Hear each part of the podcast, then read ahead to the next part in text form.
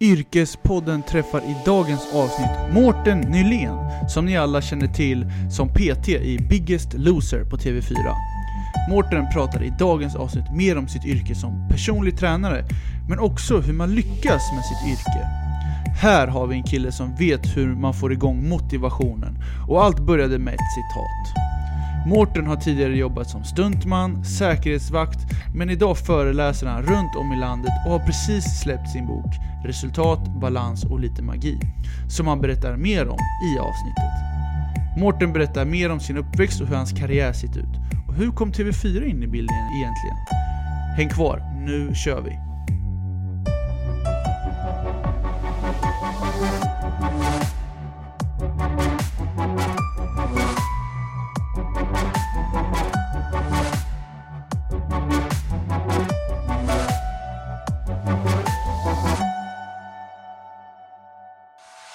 Välkommen till Yrkespodden Mårten! Ja, tack så mycket! Hur är läget? Det är bra, det är bra. Jag har haft lite bilkörning här eh, på halt underlag. Det är som en halkbana på tre och en halv timme men, men det gick ju bra.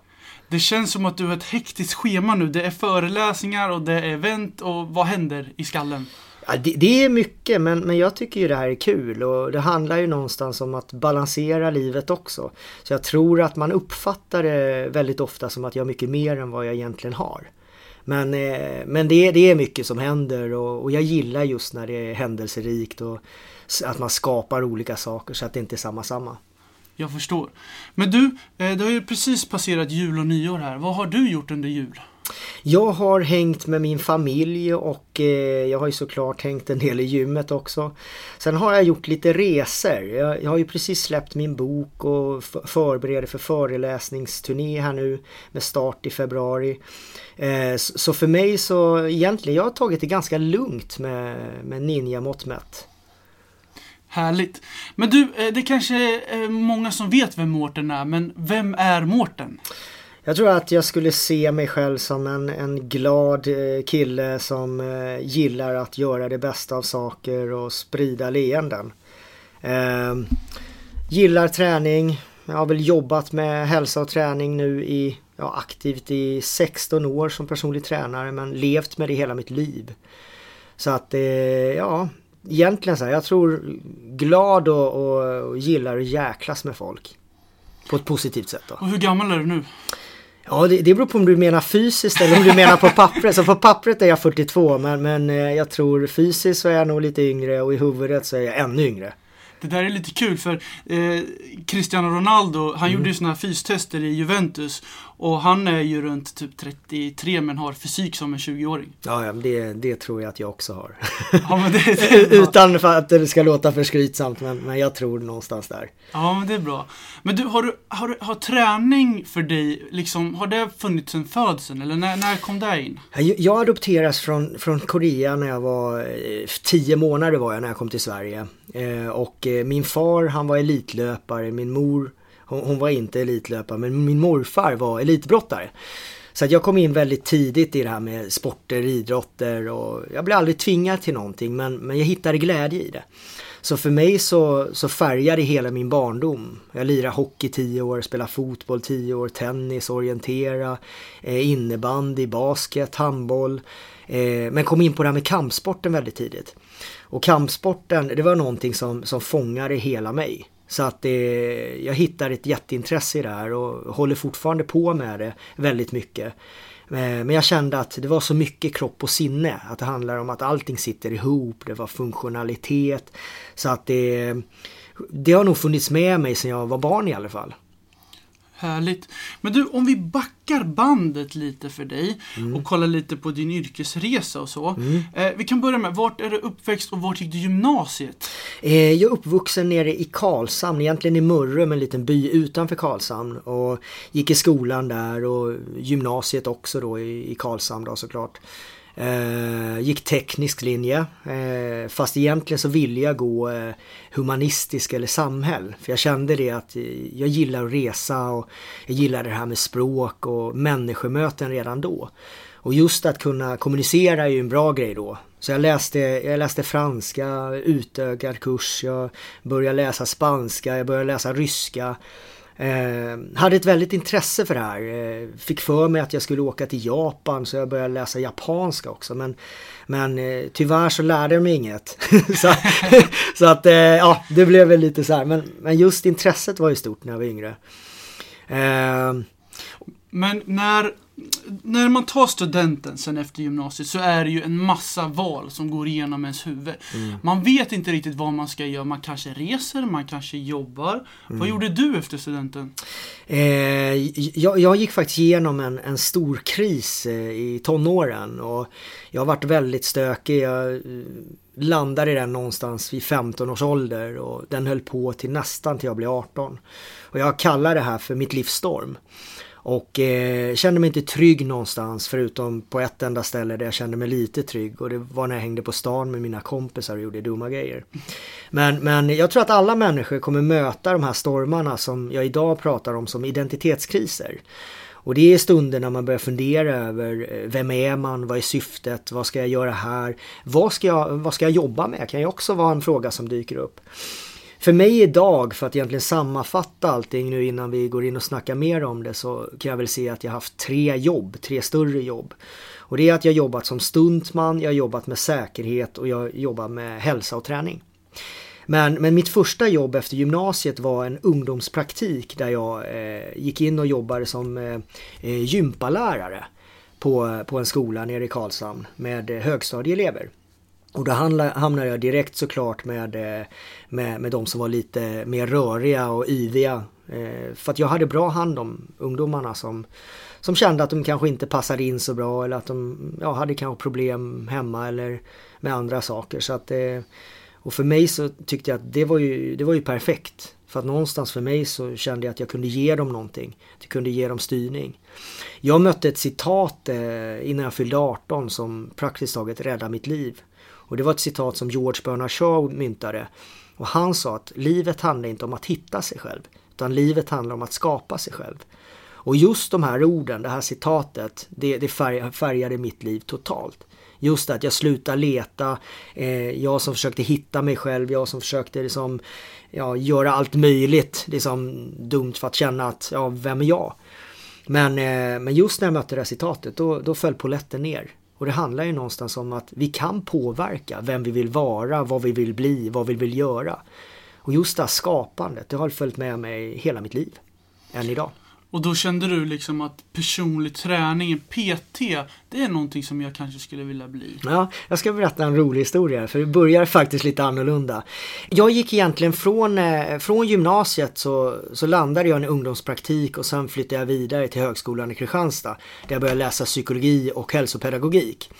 Men ganska snabbt där så kände jag det som att det fanns mer som jag ville göra. Jag fortsatte såklart med psykologin och läste lite tag på hälsopedagogiken men, men bytte spår ganska fort. Eh, åkte hem och slog på tvn. Av en slump så var det ett reportage om en stuntutbildning. Europas enda stuntskola. Och jag kände ju direkt att ja, jag har gjort valet att jag ska skapa mig själv så att eh, varför inte stuntman? Det måste ju vara världens coolaste jobb. Jättehäftigt ju. Ja. Så att eh, jag stack till Stockholm dagen efter och gick på en eh, intagning och kom in. Och började utbilda mig till stuntman. Och fortsatte såklart utbilda mig men jag hade jobb innan första utbildningen ens var klar. Men det kom man hem typ varje dag och hade blåmärken och sår i pannan som stuntman? Nej, Hur går alltså, den utbildningen till? Ja, egentligen, att, att jobba med stunt, det, det handlar om att jobba med säkerhet. Någonstans där som att göra saker så att de ser farliga ut. Allting är kalkyleringar, beräkningar och någonstans att du lär dig veta det som var du har din kropp och sånt i ett fall eller om du ska krascha en bil eller vad som helst. Så att just när det kommer till stunt så handlar det väldigt mycket om eh, just säkerhet. Men eh, har du varit med i några stora filmer eller roller? Du sa att du fick jobb direkt. Ja, vad, hände då? Jag, jag jobbade ganska mycket med antivåldsprojekt och galer och har gjort faktiskt över 80 stycken nu. Eh, jobbade fem år som stuntman men jag gjorde allt möjligt från musikvideos, jag kraschade bil i Markoolio och åka pendeltåg. jag var ninjan i den här fotbolls-VM 2002 tror jag det var i Korea, Japan. Då var det ju alltid så här, sändningen presenteras av. Och så var det en ninja som stod i målet och alltid missade bollen. Eh, men gjorde massa akrobatiska Jaha, grejer. Men jag har gjort långfilm och jag har gjort eh, väldigt mycket musikvideos. Så, så, så, för mig så var det, det, det var ett kul jobb. Men, men samtidigt så är det, var det ganska svårt för mig att få mycket jobb. Det var alltid massa kampjobb, det vill säga att jag var duktig med kampsporten, kampkonsten. Så att det var att koordinera fighter, det var när de skulle ha någon eh, ninja som skulle slå volter och kicka grejer. Men eh, som stuntman eller stuntkvinna eh, så, så ska man gärna liksom vara lite lik skådisarna ibland också. Och det har varit lite svårt när, jag tänk hur ser våra skådisar ut nu med Kinnaman och Persbrandt. Mm, ja, precis. Jag är inte, jag är inte jättelik men, eh, men, men det var, det var roliga fem år och sen valde jag att sadla om. Så att, eh, och det var väl lite grann så här, jag, jag hamnade egentligen i två läger. Eh, två av mina största intressen. Och det ena var att jag hamnade i säkerhetsbranschen. Och det andra var att jag hamnade i hälso och träningsbranschen. Och eh, för mig så var det så här, jag, jag, har alltid varit väldigt fascinerad även när jag var yngre. Så jag, jag ville ju liksom verkligen jobba med de här två sakerna, jag ville lära mig allt. Och, och jag tror någonstans, kommer man hem till mig eller om mina vänner som känner mig så jag har bara faktaböcker hemma. Men samma sak så är det ju så, på den tiden var ju inte internet lika stort så man, man utbildar sig på ett annat sätt. Och eh, för mig, jag stack utomlands, jag stack till USA eh, när jag fyllde 18 ganska direkt och började utbilda mig.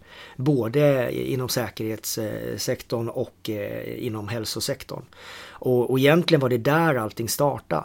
Sen jobbade jag parallellt med, med båda de här jobben eh, fram till eh, jag gjorde valet att gå in på hälsa 100%. Och jag känner ju det idag, det som att ja, jag, jag jobbade 10 år med säkerhet och jag jobbade, eller har jobbat 16 år idag som personlig tränare. Så, att det, så för mig så var det väldigt mycket så här att, att göra det jag gillade. Att lära mig mer och jag anser någonstans att ska man bli bra på någonting då måste man ha en passion, man måste ha ett intresse, en glöd. Och det är ju så här, saknar man det så då ska man nog byta, byta riktning. Jättebra, eh, intressant. Och, och, och, när du stod med det här valet nu att välja hälso, hälsovägen. Mm. Eh, om, om folk kanske tänker så här och lyssnar på den här podden nu att de vill också välja den vägen. Mm. Vad är det egentligen man ska, ska tänka på om du vill kanske bli personlig tränare eller du kanske vill jobba med någonting om träning? Mm. Vad är det egentligen man ska tänka på? Jag, ty jag tycker det viktigaste är som att man väljer en, en stark grundutbildning. Att man har någonting som, som hjälper dig att bygga en stark grund. Och den, den kan man ju få på många ställen. Det är såklart att eh, jag skulle kanske ge rådet att hellre titta på utbildningar som är lite längre i tid. Så man inte behöver skynda på allting för fort. Sen tror jag också liksom att det är en fördel om man har, har man intresset så har man säkert massa kunskap med sig redan från början. Men sen behöver man bygga på för man blir inte fullärd. Och sen är det ju också så här att spetskompetens idag tror jag också är någonting som är väldigt viktigt. Att man tittar på det som vad är målgruppen jag vill jobba med? Vem, vem är kunden? Vilka, vad är det för människor? Vad vill jag göra inom hälsa? Hälsa är ju väldigt brett om man jobbar som jag gör som, som personlig tränare, som jag fortfarande gör lite grann idag, även om det är mycket mindre, så är ju det också en sån grej liksom att ska du jobba som personlig tränare då behöver du som vidareutbildare inom det. Men sen idag också tittar man på hälsosektorn så är det ju liksom att idag vet vi väldigt mycket så man förstår att man behöver jobba även med hur hanterar man stress, eh, hur påverkar dålig sömn oss, eh, hur funkar det med kosten. Så att det, idag är ju, tycker jag att personliga tränare är väldigt, väldigt mer kompetenta än förr i tiden. För att man är tvungen att lära sig mer. Och, och, det är ju också det här med att eh, konkurrensen är ju hårdare också för att det är så många som vill jobba med det. Men samtidigt så skulle jag säga det som att det behövs fler duktiga människor inom hälsosektorn. För att just när det kommer till hälsa idag, det, det känns som att ohälsan ökar, både mentalt och fysiskt. Så att, så att vi behöver någonstans fler personer, fler personer som utbildar sig och blir det som bra på det här, som kan hjälpa människor. Men du, det är lite intressant att få höra, hur gick det för dig? Du vet, när man är examinerad personlig tränare, dina första klienter. Mm. Hur, liksom, hur gick de första passen? Man, man, är ju, man kanske inte är så erfaren, men man måste ju ut i det. Man måste ju börja någonstans. Hur gick det för dig i början? Alltså, jag, jag har ju tränat folk sedan jag var barn egentligen med, med kampsporten och med trä, olika träningsmetodiker. Och, så, för, så för mig så startade allting inte när jag började jobba med min första PT-kund. Utan någonstans har man ju med massa grejer. Det är som om du spelar fotboll som barn så lär du dig saker.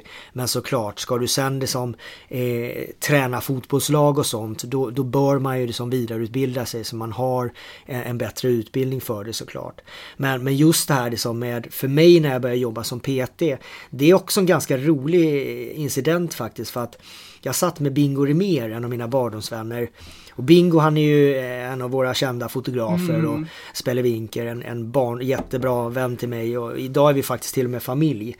Men, eh, men just det, det var Bingo som sa åt mig, Mårten, fasiken det här med hälsa och träning, du är bäst på det. Varför ska du liksom hänga kvar och jobba med säkerhet och sånt när du borde liksom jobba mer med träning och hälsa? Och, och, det var någonting i det där när han sa det där som också blev en polett som föll ner. Och jag kände så här liksom att ja, då kanske inte, då behöver jag inte liksom ha de här sena nätterna. Jag, jag är så här som blir trött på kvällarna och vaknar väldigt tidigt. Men, men för mig då, liksom, det kommer ju passa mig så mycket bättre. Så att det, för mig blev det solklart. Det är det här jag ska göra. Har du svårt att hinna med träningen? Du vet väl om att Fitness 24-7 gym är öppna dygnet runt för alla medlemmar? Och det finns just nu över hela världen. Just nu har vi ett samarbete med Fitness247 som ger dig gratis startavgift värde 249 kronor. För att ta del av erbjudandet behöver du bara gå in till en anläggning och uppge Yrkespodden så slipper du den här startavgiften. Så gå in på en anläggning och uppge koden Yrkespodden och den här gäller från och med idag till den 9 mars. Så ta er till gymmet. Tack så mycket Fitness247. Men du, Eh, hur ser en vardag ut för Mårten? det här kanske är en, eh, svår för det är olika hela tiden, men hur ser en vardag ut? En ja, vecka kanske? Ja, det, det, det, är väldigt olika, men, men eh, jag startar alla mina dagar på samma sätt.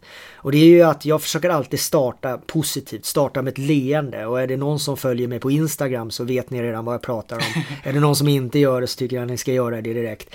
Eh, för att jag försöker alltid skicka ut någonting positivt till människor eh, på morgnarna. Och i och med att jag är hyfsat morgonpigg så kommer det oftast ut innan folk vaknar. Men i alla fall, eh, för mig så startar jag alltid med två saker. Jag tänker en positiv tanke, det vill säga att jag tänker på någonting som, som jag är tacksam över, som gör mig glad. Någonting som framkallar den här bra-känslan. Och sen så gör jag en positiv handling. Och för mig en positiv handling, oftast är det kanske något fysiskt, att jag går ut och springer kanske, eller jag går till gymmet, eller jag, jag gör någonting fysiskt för att väcka kroppen. Men det behöver ju inte vara det. För andra människor kanske det är, man drar på någon bra musik, man kanske eh, tar fram en bok, man kanske eh, tar några extra minuter som vid frukosten just bara som att sitta och andas och tänka lite grann och kanske det som, eh, ja, gå in på min Instagram. Nej nu skojar jag bara.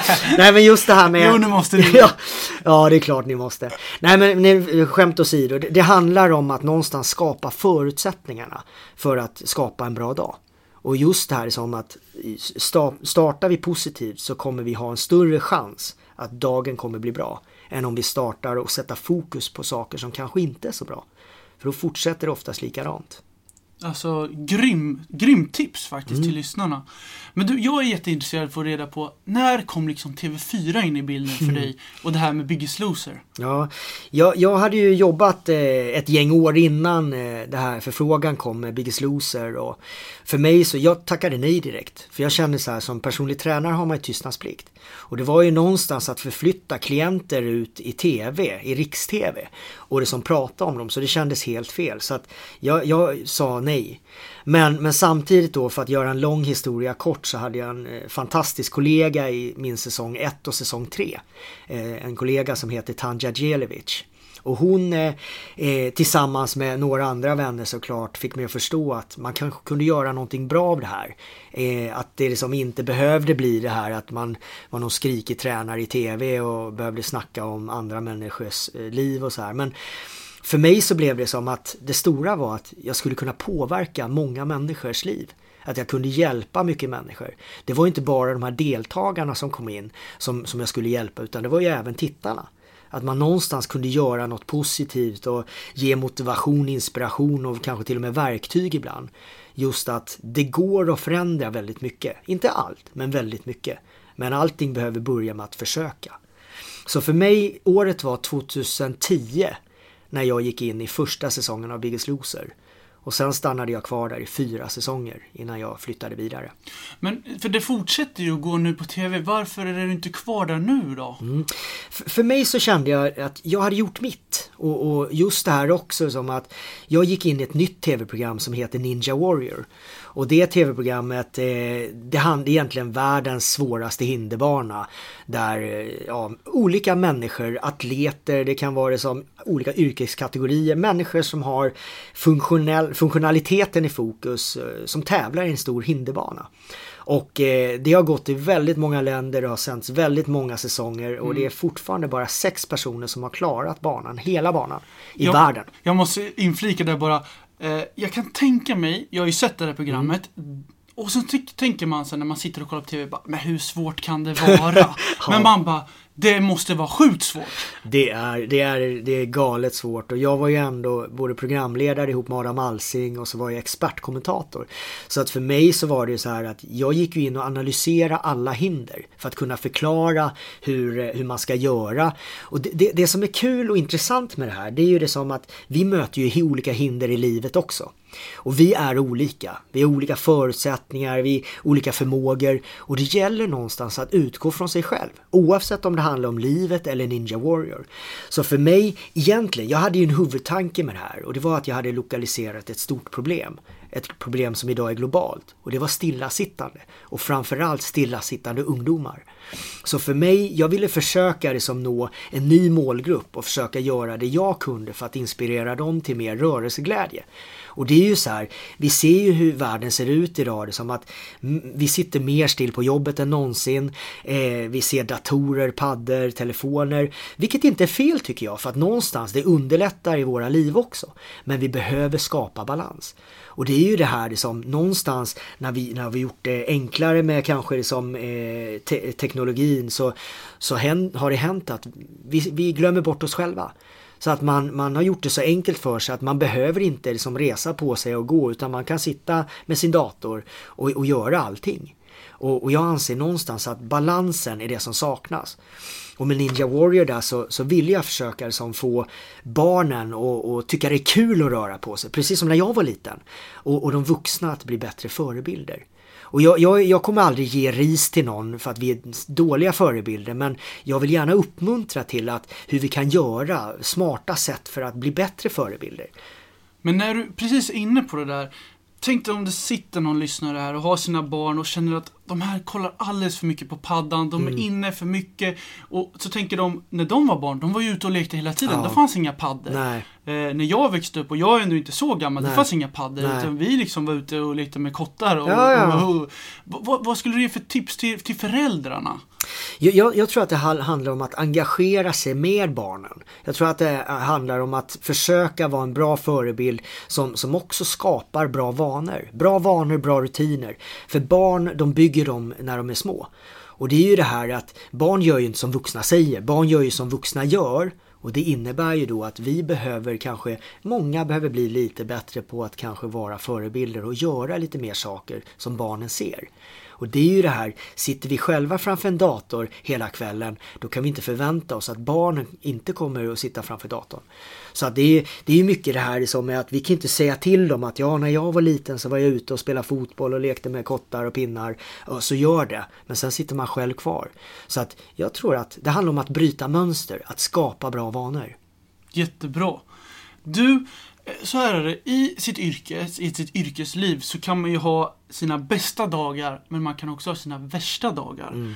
Eh, och det här är en fråga som jag oftast brukar ställa till mina gäster. Det är så här, hur tacklar du jobbiga situationer i yrket? Ja, det är, alla har upp och ner. Alla har eh, nedförsbackar, vi har uppförsbackar och, och, man kan inte alltid vara positiv. Vissa tror ju ibland att jag alltid är den här positiva, glada killen.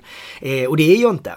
Men, men eh, jag tror att jag har hittat en nyckel, hittat ett verktyg som gör det enklare att möta motgång men också det som att skapa mer positiv energi. Och för mig så är det så här, det handlar väldigt mycket om fokus och inställning. Just att fokusera på möjligheterna, fokusera på det som är bra. Jag brukar säga att alla bör, och är det någon som lyssnar här nu så, så testa det här. Försök lokalisera ett leende. Det vill säga ett leende är någonting, det kan vara minsta lilla grej, någonting som gör dig glad. Det kan också vara någonting som du är tacksam över. Det kan vara någonting, minsta lilla grej som sagt, som, som bara känns sådär lite bra. Och lokaliserar vi ett leende idag, hur många har vi om tio dagar? Hur många har vi om hundra dagar eller ett år? Och det är ju det här, när vi möter motgång, då är det bra att ha bra saker omkring sig. Som vi är tacksamma över eller som vi känner att det här är ändå bra. För att annars kommer allting kännas väldigt, väldigt dåligt. Och det, och det är mycket det här också med att sätta fokuset på det här att vi kan påverka hur vi ser på situationer och, och saker. Och det är ju det här, säg att har vi tio bra grejer omkring oss och vi har en liten halvdålig grej. Hur många tittar på den halvdåliga grejen? Och, och, den halvdåliga grejen, den kanske inte ens har hänt. Det kan vara någonting som skulle kunna hända. Och man står ändå där och tittar och ojar sig och känner att ah, det här är ju inte alls bra för att tänk om det där händer.